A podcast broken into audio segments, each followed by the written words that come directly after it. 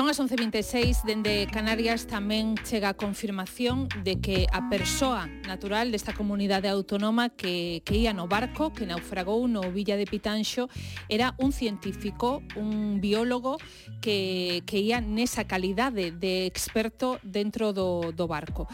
É un científico de 33 anos, eh, que non se sabe aínda se está entre os falecidos ou entre os desaparecidos. Este mozo de 33 anos científico non traballaba no Instituto Español de Oceanografía, senón que eh, estaba a soldo do armador xa que eh, determinados buques están obrigados a contar entre a súa tripulación cun biólogo que sexa observador, que realice un control das capturas ou ben polas características do pesqueiro ou ben polo caladoiro no que se faena. Eh, neste caso, era das augas dependentes da Organización de Pesqueirías do Atlántico Norte. Eh, pois ben, neste caso, este mozo de 33 anos era un dos tripulantes que ían nese, nese barco, no, no Villa de Pitanxo. Hoxe xa lles advertín que teríamos un poigrama especial eh, con Toñito de Poi, porque Toñito tamén é un home de mar, non? Eh, Toñito está neste momento en Marín. Hola, Toñito, moi bons días. Hola, bons días, que tal? Como estás, Cristina? Cun amigo teu, Eusebio. Sí, claro. Sí, sí, sí. Eusebio Correa, oficial de máquinas, eh, traballa na empresa esta, traballou na empresa armadora esta, estuvo no barco. Manuel este, Nores. que, este barco Si o que sempre sale, este que agora está saindo nas noticias, que, que usan a foto dele e tal, tal moitas veces, estuvo fanando nesas aguas, E, bueno, pois pues nada, me gustaría presentarcho o Eusebio. Hola, bons días, Cristina. Bons días, Eusebio. Bueno, ti és de aí de Marín, non? Sí, sí, son de Marín. Eh, exactamente son do, do Pitanxo, de, de donde o barco recibe o nombre. Uh -huh. O nombre recibe ese barco, recibe ese nome porque é unha finca que ten el eh, Villa Pitalxo, por eso se chama así. Que ten o armador, o armador ten esta finca, non? Sí, sí, ten a finca no Pitalxo, que lle chama Villa Pitalxo, e puxo lle ao seu, ao seu barco ese nome. Uh -huh. Eh, Eusebio, ti eh, traballaches nun barco similar, non, desta, desta armadora? Sí, máis grande, aínda máis grande que el, no Manuel Ángel Nores, uh -huh. durante cerca de 4 anos. Eh, cal era o teu cometido no barco? oficial de máquinas, eh, teóricamente segundo, pero bueno, a veces o, o, o xefe marchaba tal, o sea, oficial de máquinas, porque facías de, dun posto a outro. Uh -huh. O que fixera falta na máquina, pero como oficial. Claro. Que foi o primeiro que sentiches cando soubeches desta noticia, Eusebio?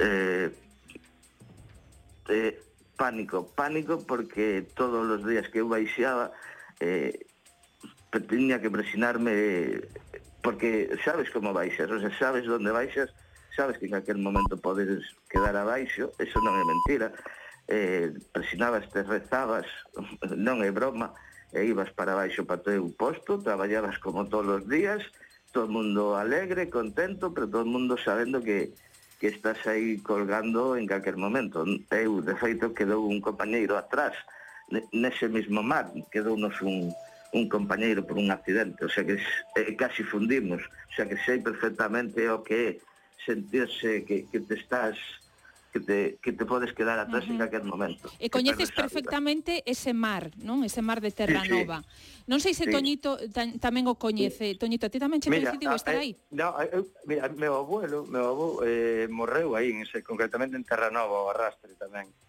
e de unha forma así un tanto porque quedou o aparello na hélice en aqueles barcos de obra morta moi pequeniña saltou fora e bueno saltou atano cun, cun chicote cortou a rede pero bueno, ao final non pudo recuperar o frío e cortou a rede co cuchillo da cociña porque o, o barco estar sin maniobra pois se ponse de costado ao mar e claro, dirá, é cuestión de tempo que vire que illa arriba. Entonces bueno de todas formas eu estou aquí co Eusebio porque ten Bueno, ten, ten, en primer lugar, unha teoría de como pudo ser o naufraxio moi plausible, o sea, moi certera, e despois un remedio de que, de, de, de que porque, vamos, mira, mellor que xo conte el, porque uh -huh. é moi, moi forte. A ver, re, remedio como remedio, a ver, teoría, teoría porque nos pasou a nos, ne, nese barco precisamente, e, e polos tempos que hai, eh, o que lle pasou máis, máis ou menos. O sea, non é certo, porque iso va a haber unha investigación, e, e falar a esa xente pero po, polos datos que, que hai, o sea, ese, ese barco sufre un blackout, unha caída, caída de tensión, por eso deixa de emitir a caixa azul, porque queda sin electricidade, ao quedar sin electricidade o barco, queda xa deriva, uh -huh. eh, queda xa deriva. Eh, porque aparte es que Ah, que hai eh, media hora entre que deixa de emitir a caixa azul e que sae a bueno, unha especie de, de bolla que iso cando se funde o barco a X metros, 7, 10 según está regulada salta esa bolla e empeza a pitar. Uh -huh. o sea que cando salta esa teñen media hora entre que quedan sin enerxía e, e que, que salta a bolla de, de que o barco está fundido. Eso xa salta cando o barco está fundido, xa está preparada para que cando o barco vaya este a, a X metros salte. O sea, é claro que teñen que ter unha vía de auga por onde? Hai varias teorías, o sea, eu non sei exactamente porque non estaba ali. Eh, pode entrarche por mira, a nos un golpe de mar, o, o no meu caso foi un golpe de mar, reventounos unha chimenea de ventilación, caeu a auga salgada na, na aspiración do, do motor, casi nos cae abaixo a planta, eso foi o que nos salvou e que non estábamos faenando. E, e si eso lles pasou a eles, si lles chegou auga por calquer cousa, eh, a planta para. O sea, a planta ten que parar por narices porque hai ese, ese tempo, esa media hora entre que lles cae todo e, e non manda señal, porque eso recibe señal coa mínima que hai. Uh -huh. Entón, a ti cando te cae a planta, eh, queda sin, sen goberno. Anda que arranques os auxiliares e intentes acoplar e demais, é un proceso que leva moito tempo, xa. Podes facelo rápido relativamente, pero leva minutos. Eh, Eusebio, ti dis que isto eh, pasouche a ti nese mesmo barco ou nun similar? No, eh, nun similar, no, no? nun similar máis grande. E que fixestes pasou, cando pasou isto?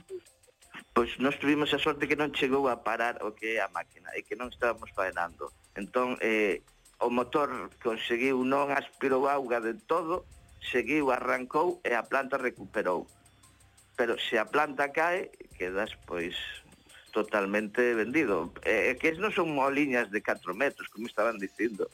Aí son olas de 12 metros. Eu, cando salía de guardia, salía e miraba e miraba unha columna de auga máis grande que o barco, que viña contra nós. O sea, non, non estamos falando de olas de 4 metros, estamos pa, dicindo que posiblemente tuveran 7 8 metros e faenase igual, eh? Uh -huh. Porque o barco está preparado, eh? non é por unha locura. O barco está preparado para que podas faenar con, con temporal. O sea, non hai problema porque faenes. O problema é, é que teñen que ter unha entrada de auga hacia a máquina. Uh -huh. Por onde? Aí xa son conxeturas que eu non estou exactamente no lugar. Sí creo que, que sei por onde, pero como eso vas levar unha investigación e non quero falar. Claro, claro, evidentemente. Non Pero vou Eusebio, dicir o que eu supoño. No momento no que unha situación así acontece nun barco, cale, eh, ti xa contas que no teu caso non chegaron a parar as máquinas, non? Pero cando acontece así, se paran cale o protocolo de, de actuación? Supoño que é eh. sair todos do barco antes posible, non?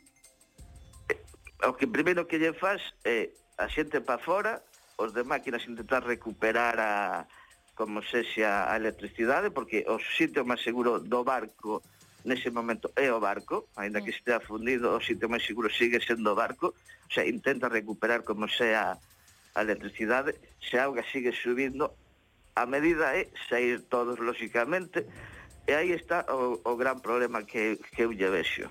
Eu estuve tamén nos barcos mercantes, en todos os barcos de pesquer que estuve, o meu traxe de supervivencia nunca o tuven comigo. Los mercantes en todos, o sea, era obligatorio. Entrabas, daba o teu traxe, revisábalo diante do oficial, dabas ok e leválo para o teu camarote.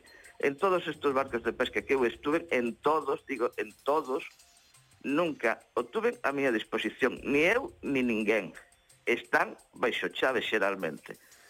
Hai un ou dous para os que andan na, na Zodiac facendo transbordos, pero os que temos que poñer en caso de escapatoria non están a disposición. E por lei deberían de estar a disposición. Non ten por que estar no teu camarote. Eso non ten por que estar no camarote. Pero si sí nun sitio accesible a toda a tripulación sen estar encerrados baixo chave baixo excusa de que son caros e poden roubarlos que esa é a excusa que soa a ver pero para eso están.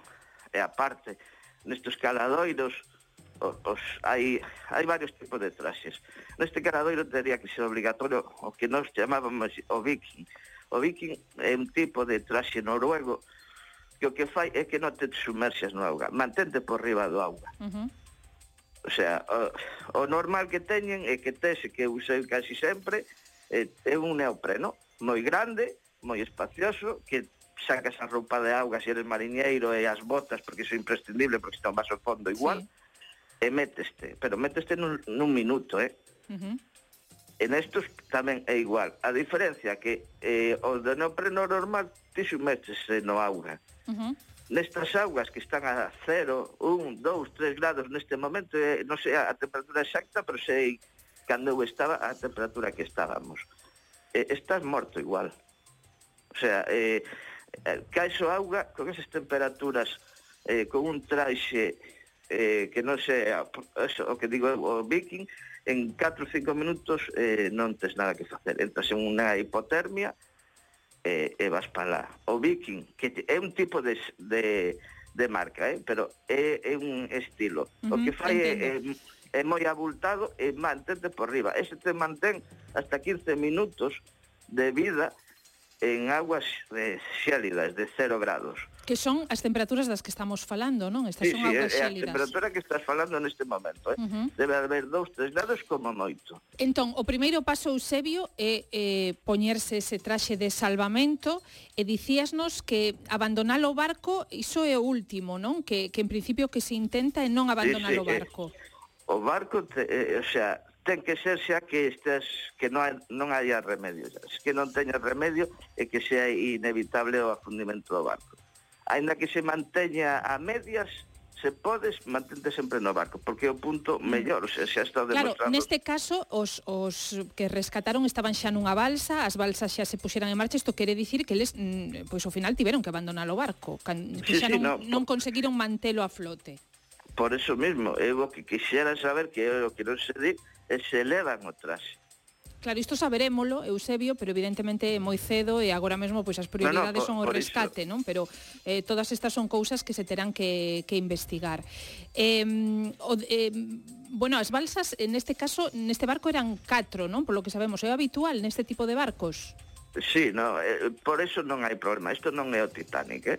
eh esas balsas levan 20, 25, a capacidade para 25 homes cada unha, o sea, non é o problema das balsas, eh? o sea, por eso non hubo problema. Uh -huh. O problema é, é ter que abandonar o barco, eh, non levar un traxe porque morreron seguramente, bueno, no, porque eso sí, sí que o dixeron, os canadienses morreron de frío por hipotermia e os que estaban estaban a punto de entrar tamén en coma por hipotermia. Eso, eso dixeron os propios canadienses, non, non é cousa miña, nin que eu me invente. Entón, se levaron un traxe adecuado, aínda que escaparan e tuvera que botarse ao mar e despois subir a balsa, que posiblemente ese foi o proceso, con mal tempo non che dá, porque tens que amar, soltar a, a lancha ou a balsa, pero amárrala ao barco, para que embarques tranquilamente. Uh -huh. E despois cortas e, e xa o mar xa te leva e xa te separa do barco. Eusebio, ti, eh, que es de Marín, que estás no sector, coñeces os tripulantes, a xente que estaba no, no Villa de Pitanxo? Des, desta vez coñezo a un rapaz de, de haber falado con él, pero nada máis. Uh -huh. Non xa levo tempo sen estar na compañía, le coñezo a un de vista, e a un, é a un dos morenos a, que ten, ten a muller, ten unha se non me equivoco, que ten unha... Sí. Bueno, non fai falta que me deas datos, non me deas datos ten, de, ten, de quen son. Ten, ten unha tenda. Sí, eh, pero non, non, non che preguntaba polo nome, non? Preguntabache por si sabes, eh, por si sí, vos coñecedes, non? Dos deles directamente, sí. Claro. Eh, bueno, xa nos dixeches que, que viviches con terror, que no momento no que soubeches da noticia que o que sentiches é terror. Xa que eh, estás con Toñito, con noso colaborador, que ele o que conseguiu o teu valioso testimonio, Eusen, Eusebio, eu quería, Toñito, que ti tamén nos contaras contaras un pouco as sí. túas impresións, non? Cando Mira, eh, sí, sí, pero noticia. antes de nada, sí, mm. home, obviamente as impresións eu anduve a mar dendo, noven, dendo 87 hasta 94 e, e, e sí, eso da un mar contemporal e frío de noite, eso da moito terror, eso é a palabra. Pero quería quería simplemente remachar. Eu estive estudiando, eu estaba, eu, sabes que eu son eh, patrón de altura mm. e, e, e eu estive estudiando co irmán, o irmán que agora mesmo está embarcado, o irmán de Eusebio, Alex, que estamos falando, el, el tamén está eh, tamén eh, dedicouse a máquinas e ahora mesmo está no norte de Europa traballando. Pero bueno, o que quería facer fincapé que eh, eu unha vez entrevistei a un home que con ese tráxico que di el, con ese traxe viking, viking ¿Mm? sí, eh, nun naufraxo en Fran Sol, e sobreviveu toda a noite. Mira, o helicóptero estaba, nos entrevistamos no, no famoso programa que é de tardes con Ana, non sei se claro. Vale, pois vale, pois eh, eh, nos entrevistámoslo, e é de Ribeira, ademais, é eh, de Ribeira, e eles, claro, eh, había moito mal tempo e, e a, o que di de, de, de amarrar a balsa, pois a balsa saleu disparada, imagínate o mal tempo que había que non puderon eh, non puderon subir a balsa. Entonces, eh, cando é así, eh, o que recomendan é xuntarse varios e quedar firme varios, sabes, uh -huh. agarrados uns outros. Bueno, pois o helicóptero que iba que iba trasladados desde Irlanda eh, quedou sin combustible e quedou este home só no mar toda a noite e o día seguinte localizarno e rescatarno con vida. Mira ti o importante que son as traxes. Sí, sí, sí, sí. Falabas, falas, este caso que falas é do Gran Sol. Hai moita sí, diferenza, eh, digo, pois en canto as condicións de temperatura, meteoroloxía do Gran Sol con respecto a Terra Nova? eh, ten bastante diferencia. Hai máis frío, os temporales son máis grandes. En, en Terranova, eh, Nova, falamos de máis frío en Terranova, non? Sí, sí, eh, mm. en Terranova, eu estuve nos dous caladeiros tamén, uh mm. -huh. eh, eh traballei tamén como mariñeiro, traballei en todo o caladeiro de, do mundo, só me queda Oceanía por, por traballar. Eh, a ver, os temporais de Gran Sol son, son duros, estás traballando con mal tempo casi todo o tempo, en, en Terranova non sempre, é eh, por estacións, ahora é a época durísima, é durísima porque todos os furacáns que se miran na tele de Estados Unidos, suben pola costa atlántica. Suben pola costa atlántica de Estados Unidos, chegan a Canadá, eh, veñen polo polo norte, entonces ao ir vir polo, polo norte hacia, hacia a zona de Siberia, por aí aí é onde desaparece realmente a tormenta. Pero en Canadá suele coller forza de novo, volver a facerse un temporal enorme, e aí arras. O sea, esa zona durante a época de, de furacáns de Estados Unidos, que é a época de mal tempo eh, aí arriba, o sea, en, en Terranova, eh, é o que che digo, é, é normal eh, eh botar 4 ou 5 días a capa. 4 ou 5 días a capa é cerrar todo o barco, cerrar todo con cadenas, eh, asegurar todo o barco e solo se fai o imprescindible. A xente de máquinas baixamos a traballar a máquina a manter a propulsión e a electricidade. Non se traballa para nada. Eso, eso en, en esta época en, en no, no Grasón, por exemplo, non pasa. Estás con mal tempo, traballas con moito mal tempo, con frío, pero non só es chegar a ter que estar a capa 4 5 días. Se chegas a estar a capa, pero non como estás en, en Terranova, así ali é habitual. Eh, uh -huh. Ao mellor traballas tres días nunha semana. Durante un mes estás así. Tres días traballas, catro a capa, volves a traballar dous, tres días, entonces o traballo tamén é frenético, claro, claro. porque hai que aproveitar ese tempo para coller esa cuota de peixe, e eh, o traballo é frenético. Uh -huh. Pero A ver, son dous zonas moi malas de traballar, non, non son agradables ninguna, pero a outra eh, implica un plus de peligrosidade.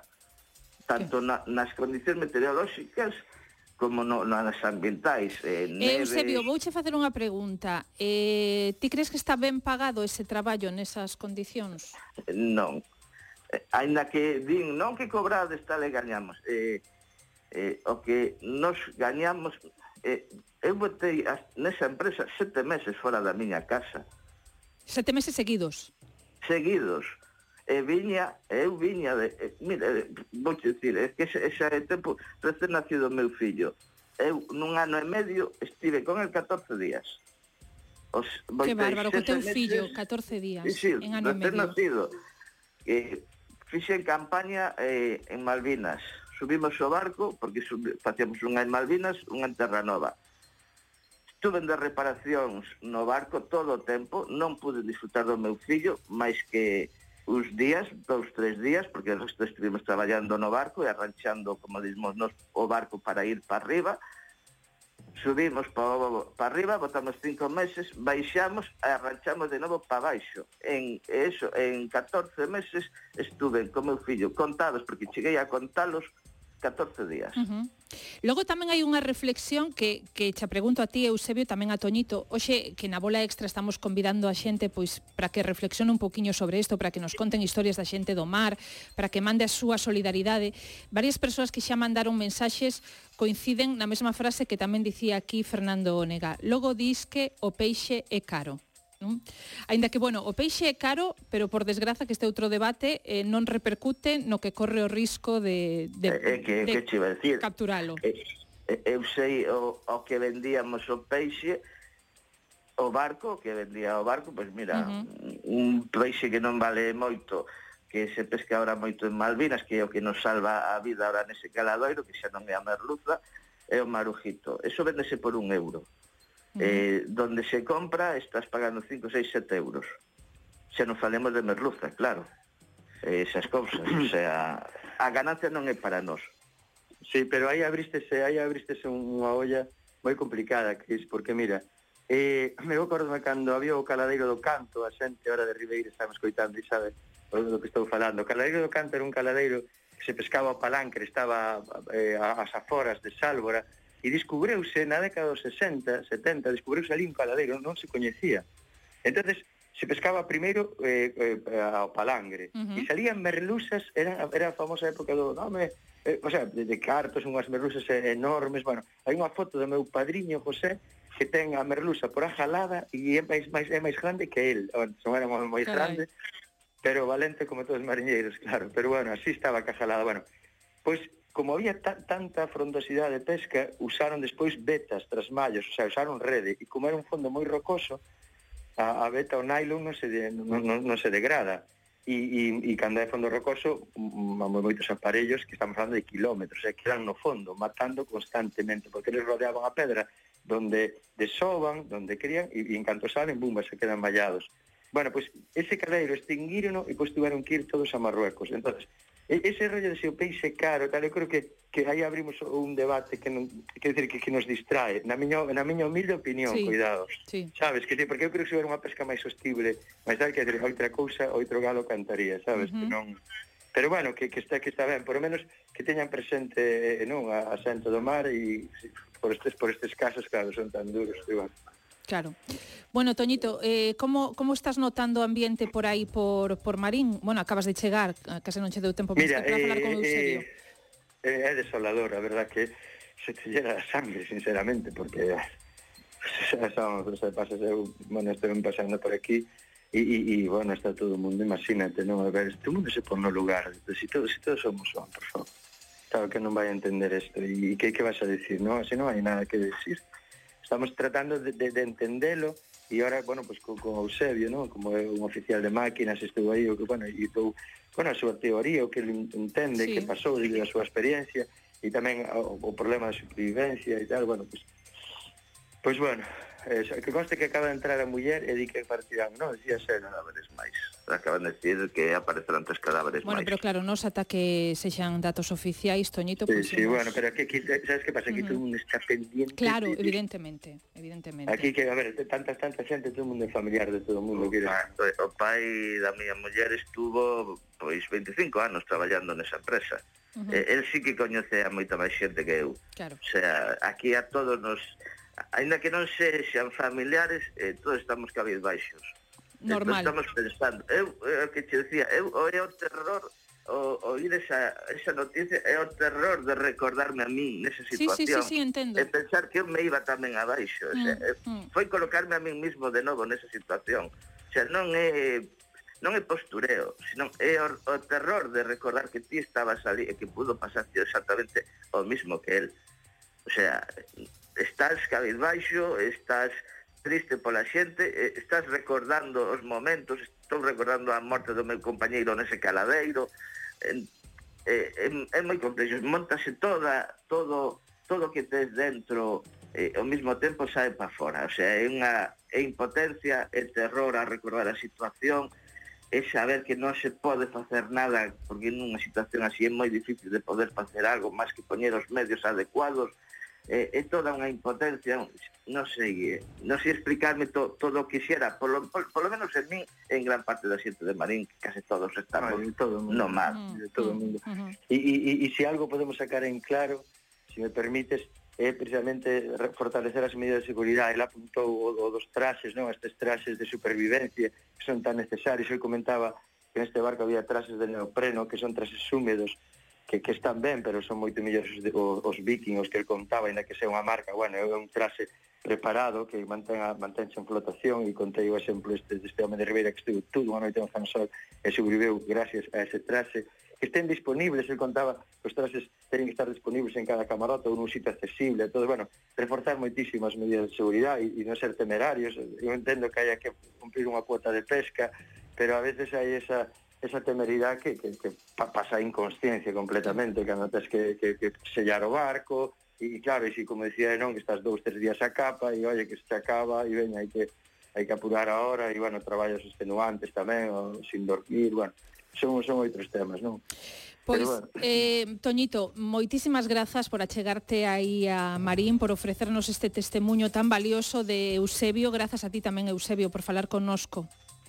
Non, gracias a vos por, por lo menos facer eco do, do que mm. levo a moitos anos pedindo que, que se reporten as medidas de seguridade eh, nesos caladoiros porque son Claro. É o que é o único que nos salva. Pero foi moi valiosa a túa conversa porque os que non estamos metidos neste mundo describichesnos perfectamente como é o ambiente de traballo e como son os medos e as situacións nas que moitas veces vos atopades. Grazas, Eusebio. Nada, grazas a ti. Grazas, Toñito. Ata logo. Ata logo. Gracias, hasta logo.